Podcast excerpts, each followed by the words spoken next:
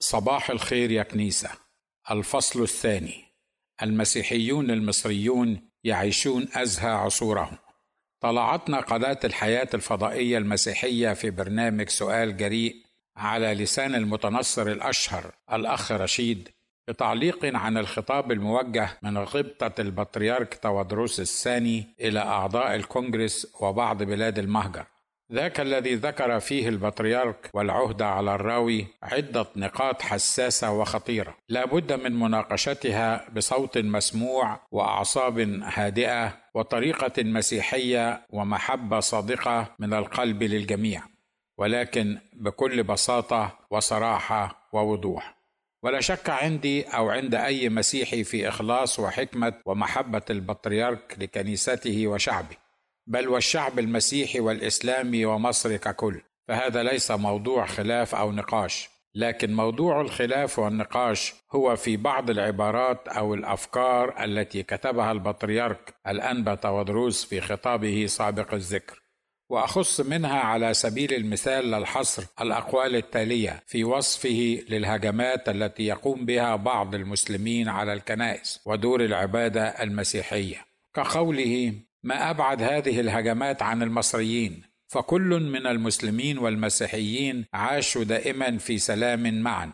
إن أي هجمات إرهابية هي آتية من الخارج. وأيضا ذكره في نفس الخطاب الموجه لأعضاء الكونجرس عبارة لو تم حرق كنائسنا سنصلي مع جيراننا المسلمين في المساجد. ولو حرقوا المساجد سنصلي جميعنا معا في الشوارع. والحقيقة هي أنه إذا أردنا أن نتناول موضوعا حساسا كهذا والتعليق عليه والحكم مع أو ضد هذه المقولات وشاكلتها من التصريحات والخطب والخطابات الموجهة من الشخصيات العامة للقادة أو البلاد المختلفة فلا بد أن تقرأ وتفهم جميعا في سياقها المكاني والزمني وخلفياتها ونوعية قائليها والمستقبلين لها. ولذلك فيلزم الإجابة الدقيقة على العديد من الأسئلة الأساسية المحورية قبل الحكم عليها. فعلى سبيل المثال للحصر لابد من معرفة واحد. هل كتب البطريرك هذا الخطاب من تلقاء نفسه وطنية منه وحبا لمصر أم أن آخرين اقترحوا عليه أو ألزموه بكتابته؟ الأمر الذي لا يمكن أن يتكهن به أحد ولا يعلم إلا البطريرك وحده إجابته. لكن يبقى السؤال الذي لابد له أن يسأله لنفسه في حالة أنه لم يجبره آخر على كتابته ويجيبنا هو عليه بصوت نسمعه نحن كمسيحيين. والسؤال هو ما هي الأسباب الحقيقية الواضحة أمام الله والناس التي جعلتكم تكتبون مثل هذا الخطاب للكونغرس الأمريكي؟ وبعدها فليحكم السامعون من المسيحيين. حيث أن الأمر يخصهم وحدهم ولا يخص غيرهم.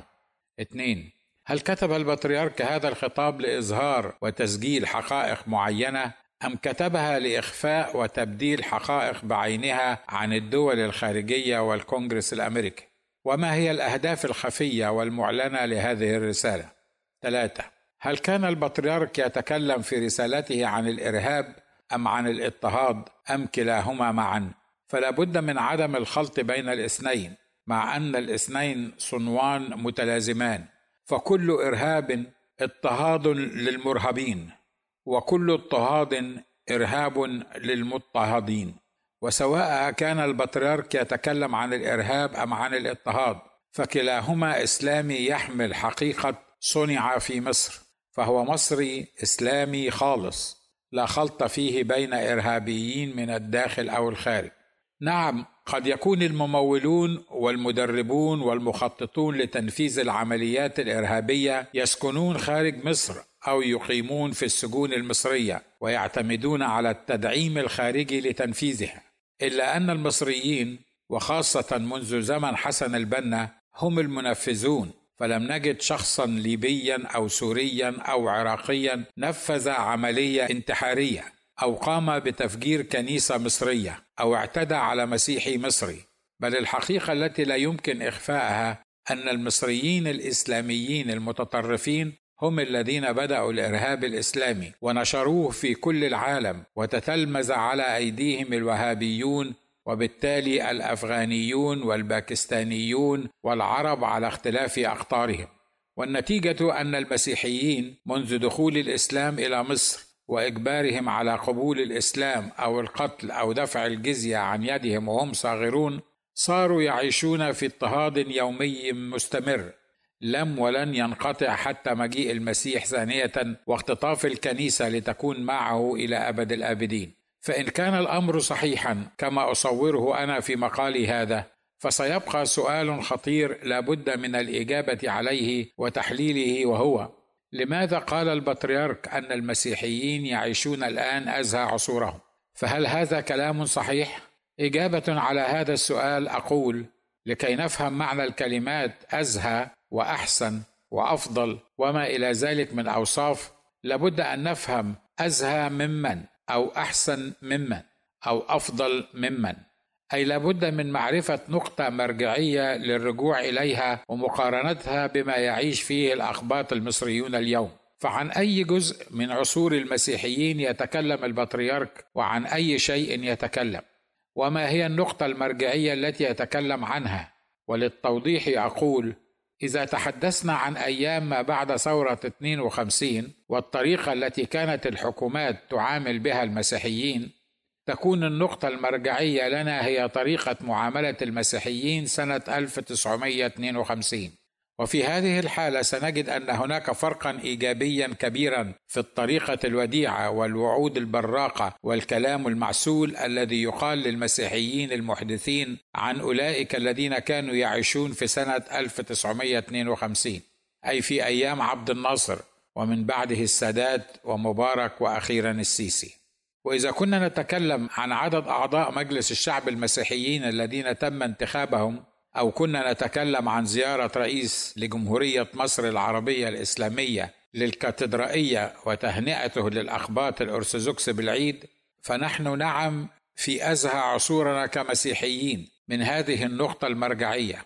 أما إذا كنا نتكلم عن كمية التفجيرات في الكنائس التي تم حرقها وكمية القتلى في الاعتداءات على الكنائس والمصلين فيها أو المسيحيين الذين تم اعتقالهم وتعذيبهم في السجون المصرية والبيوت المسيحية التي دمرت والأسر التي شردت والقصر الذين سجنوا والقاصرات التي غرر بهن وتم أسلمتهن قصرا.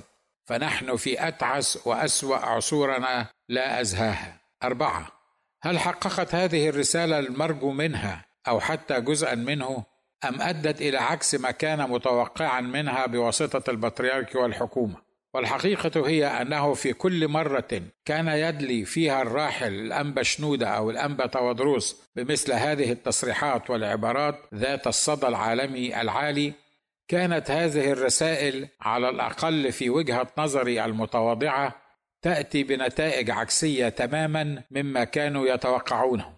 فهذه العبارات لم يعد يشتريها المجتمع الدولي بسبب انتشار وسائل التواصل الاجتماعي وانتشار وانتقال الأخبار بسرعة البرق. حتى أن كثيرا من دول العالم الخارجي تعلم ما يحدث داخل مصر من أحداث حتى قبل أن يعلمها المصريون أنفسهم. فمن من قادة دول العالم لا يعلم أن هناك اضطهادا مستعرا ضد الأقباط المصريين. ومن من قادة العالم لا يعلم قصص تدمير الكنائس والأديرة وأماكن العبادة. ومن من قادة العالم لا يعلم أن كل القلاقل والإضطرابات والتفجيرات والإرهاب ليس في مصر فحسب بل في العالم كله سببه المسلمون المتطرفون. لذا فعندما يصرح مضطهد في مصر أن لا اضطهاد عندنا وأننا كأقباط مصريين نعيش أزهى عصورنا وأن المشكلة في الإرهاب المستورد إلى مصر ليس من المصريين أنفسهم ويعطي انطباعا أننا في سلام ووفاق حتى إلى درجة أنه يمكننا أن نصلي مع المسلمين في جوامعهم.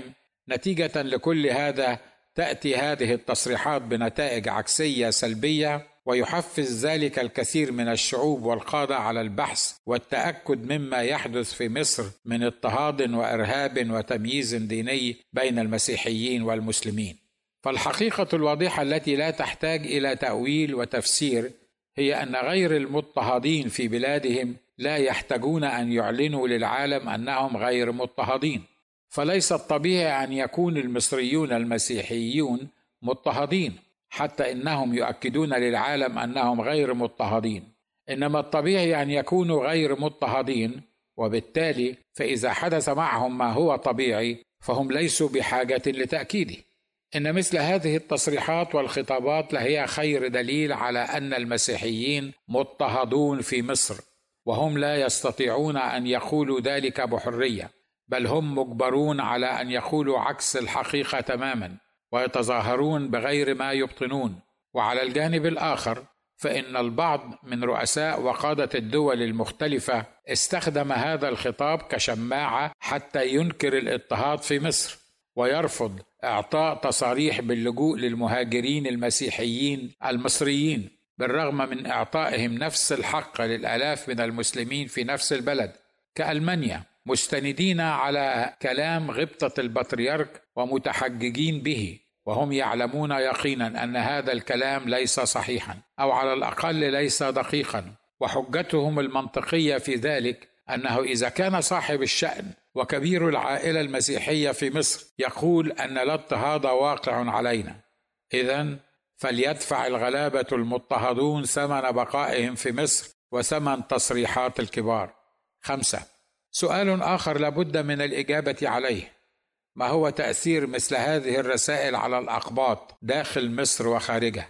أما تأثير مثل هذه الرسائل على الأقباط في مصر لا شك أنها تجعلهم يعيشون في حالة من الضيق وخيبة الأمل والإحباط والتشويش العالي والكبت والغليان. حمانا الله جميعا من تأثير هذه كلها على مصر ومن فيها. فهذه كلها هي مكونات القنابل النفسية التي قد تخرج يوما ما فتهلك أمامها الأخضر واليابس في أرض مصر. فعندما أسمع أنا كرجل فقد ابنه في أحداث تفجير كنيسة أو امرأة قد كشف المسلمون عورتها في الشارع أو أب لشاب ناشئ صغير لم يبلغ بعد وحكم عليه بالسجن لخمس سنوات بسبب تهكمه على داعش الإجرامية أو أخو فتاة متفوقة حصلت في الثانوية العامة على صفر أو ابن حارس لكنيسة تم تقطيعه إلى أشلاء بسبب انفجار أو أخ لفتاة تم اختطافها وأسلمتها قسرا أو أو عندما أسمع أن سيدنا البابا كما يدعوه الناس يقول أننا نعيش في أزهى عصورنا كمسيحيين مصريين. لا شك أنني لابد أن أصاب بحالة من الاكتئاب المزمن وكره الدنيا وما فيها ومن فيها وحتما سأختزن كل هذا في داخلي إلى يوم الانفجار. أما تأثير مثل هذه الرسائل على اقباط المهجر فعادة ما يكون ضعيفا. فهم يعرفون كيف يستغلونها أفضل استغلال بأن يشرحوا للأمريكان أن لا غبطة البطريرك ولا أي أحد آخر من المسيحيين في مصر يمكنه أن يقول أفضل مما قيل. وهي تساعد اقباط المهجر على تأكيد وجهات نظرهم عما يحدث في مصر.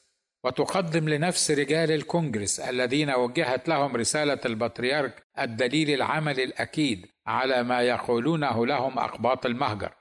لكنها احقاقا للحق تجعل مهمتهم أصعب مما لو سكت المسؤولون عن الأقباط في مصر تماما عن الإدلاء بمثل هذه التصريحات والخطابات.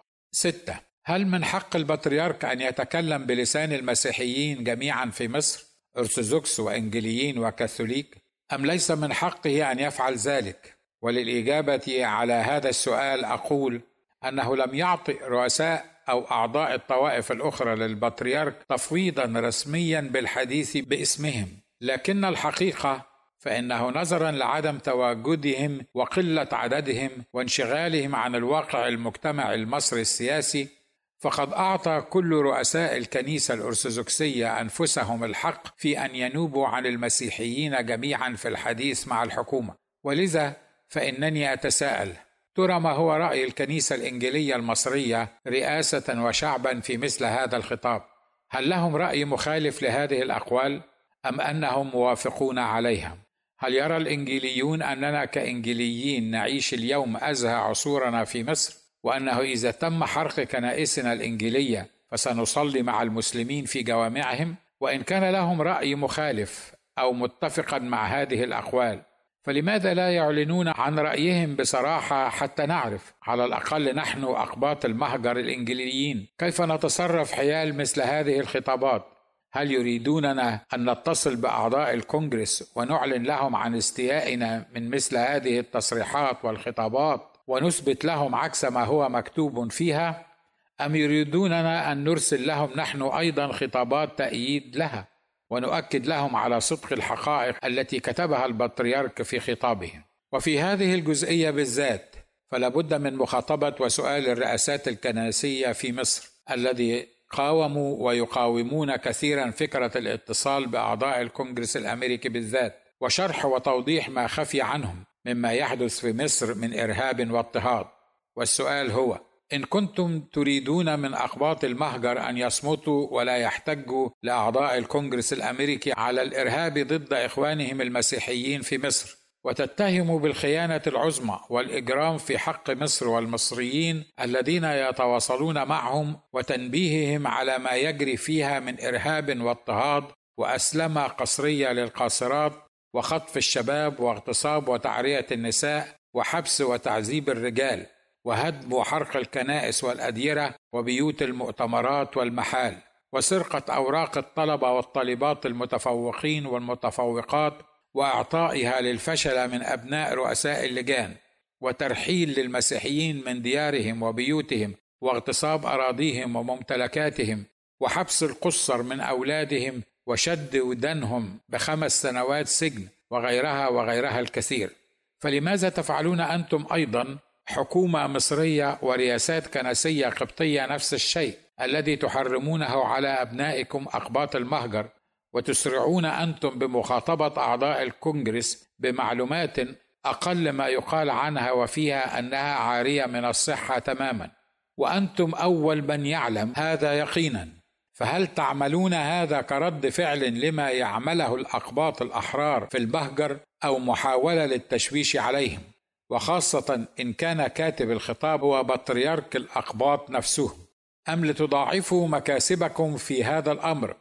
فمن ناحية تمنعون الشاكين المتضررين المضطهدين من توصيل آرائهم واحتجاجاتهم لحكومات المهجر وفي نفس الوقت ترسلون أنتم لهم ما يخالف الحقيقة وتحاولون إقناعهم بغير ما تراه عيونهم وتسمعه آذانهم.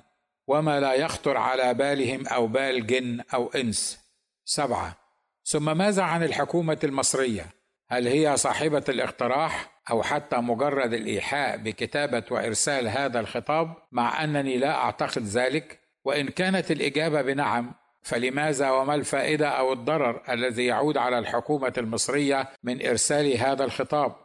والحقيقة إنني أرى أن الحكومة لا تعير رأي الاخباط أي مقدار من الأهمية على المستوى الداخلي أو الخارجي. فهي تعلم تماما أنهم منقسمون متفرقون يتهمون بعضهم البعض بالانحراف التعليمي والعقيدي ولا يهتمون كثيرا بالسياسة وردود أفعالهم لا ترقى لمستوى التأثير المحلي أو الدولي.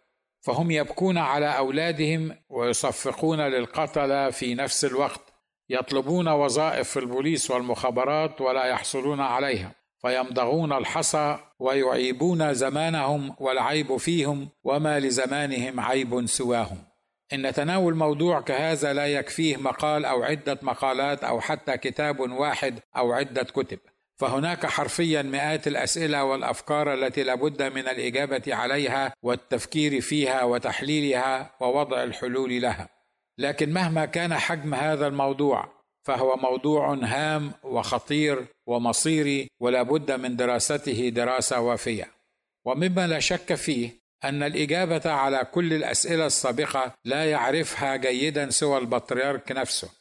وبعضها يعرفها هو ورجال الحكومة المصرية من رياسات ومخابرات وباشوات ولا يعرفها على حقيقتها ودوافعها ودقائقها ونتائجها القريبة والبعيدة إلا علام الغيوب وحده سبحانه وتنازل إلينا في المسيح. أما نحن العامة من الشعب فالمعلنات لنا والسرائر لله ولذا فإجاباتنا وتحليلاتنا للأمور مهما أتينا من قدرة على الفحص والفهم والتعليق تكون قاصرة بقدر ما نعرف ونرى ونسمع ونفهم ونحلل. لقد نجحت الحكومة المصرية أن تصور أن الإرهاب خارجي وأن الإرهابيين مستوردون من الخارج واتخذت من شماعة داعش دليلا على صدقها المزعوم. وها هو بطريرك الأقباط يؤكد هذه الكذبة للعالم الخارجي ويثني عليها. وكأن الإرهاب والاضطهاد ظهر في مصر مع ظهور داعش وقبله لم يكن هناك اضطهاد للمسيحيين ولا إرهاب في مصر. ففي كلمات قليلة أكد البطريرك انه ما أبعد المصريين مسلمين ومسيحيين عن هذه الهجمات. أما الشق الثاني من الجملة أن المسلمين والمسيحيين عاشوا دائما في سلام معا. ولعل أحد أسباب سعادة الحكومة المصرية الآن بما أرسله البابا للسفارات والكونغرس أن هذه الوثيقة أحدثت شرخا كبيرا بين المسيحيين في مصر فبعضهم يأخذ الأمور كمسلمات بنفس مبدأ لا تناقش ولا تجادل ولا تفتح فمك ببنت شفه فما يقوله البابا منزل وهو أحكم منا جميعا ولا يجوز أن تخالف رئيس دينك فيما يقول أو يفعل. والبعض الآخر يستخدم ما حباه الله تبارك اسمه من عقل ومنطق وفهم ولسان في التعبير عن ما يراه من خطأ في رسالته وتصريحاته. والسؤال هل عاش حقا المسيحيون والمسلمون دائما في سلام؟ والإجابة البسيطة المخلصة الصادقة هي لا. لم يعش المسيحيون والمسلمون في سلام يوما واحدا في مصر على الأقل منذ أن كنت أنا طفلا وحتى الآن. فكأطفال مسيحيين. عندما كنا نسمع الآذان في الراديو أو التلفزيون كنا نجري بكل سرعة لإغلاقها وإسكات أصواتها. هذه هي الحقيقة التي لابد من الاعتراف بها بغض النظر عن نتائج إعلانها. فدفن الرؤوس في الرمال لم يعد يجدي نفعا في هذه الأيام. وعندما كنا نذهب للكنيسة كنا نخاف الأطفال المسلمين لأنهم كانوا يقذفوننا بالحجارة والتراب والقاذورات كما كتبت في مقال السابق أقباط المهجر. وكأطفال كنا نرى الخوف على وجوه آبائنا وأمهاتنا عند التعامل مع المسلمين. إن أعجب ما جاء بخطاب الانبا تودروس قوله لو تم حرق كنائسنا سنصلي مع إخواننا المسلمين في المساجد وإذا حرقوا المساجد سنصلي معا في الشوارع. وسؤالي لغبطة البطريرك. كيف والمسلمون المتطرفون لا يتركوننا في حالنا نصلي في كنائسنا وأديرتنا؟ كيف والمسلمون حتى المسالمون منهم لا يتركوننا نصلي في بيوتنا؟ كيف والمسلمون لا يتركوننا نرمم بيوتنا أو كنائسنا؟ ويكفي أن ينادي مناد أن يا أمة لا إله إلا الله أعينوا. فالمسيحيون يبنون كنيسة في قريتنا فتتحول القرية إلى جحيم مستعر. ومحرقة أخرى تضاف إلى ما صنعه هتلر في ألمانيا مع اليهود. هل حقا يا غبطة البطريرك تقصد ما تقول في هذه الجزئية من خطابك؟ فإن كنت لا تقصده حرفيا فأنت تستخف بعقلية المسيحيين والمسلمين وأولئك الذين أرسلت لهم خطابك.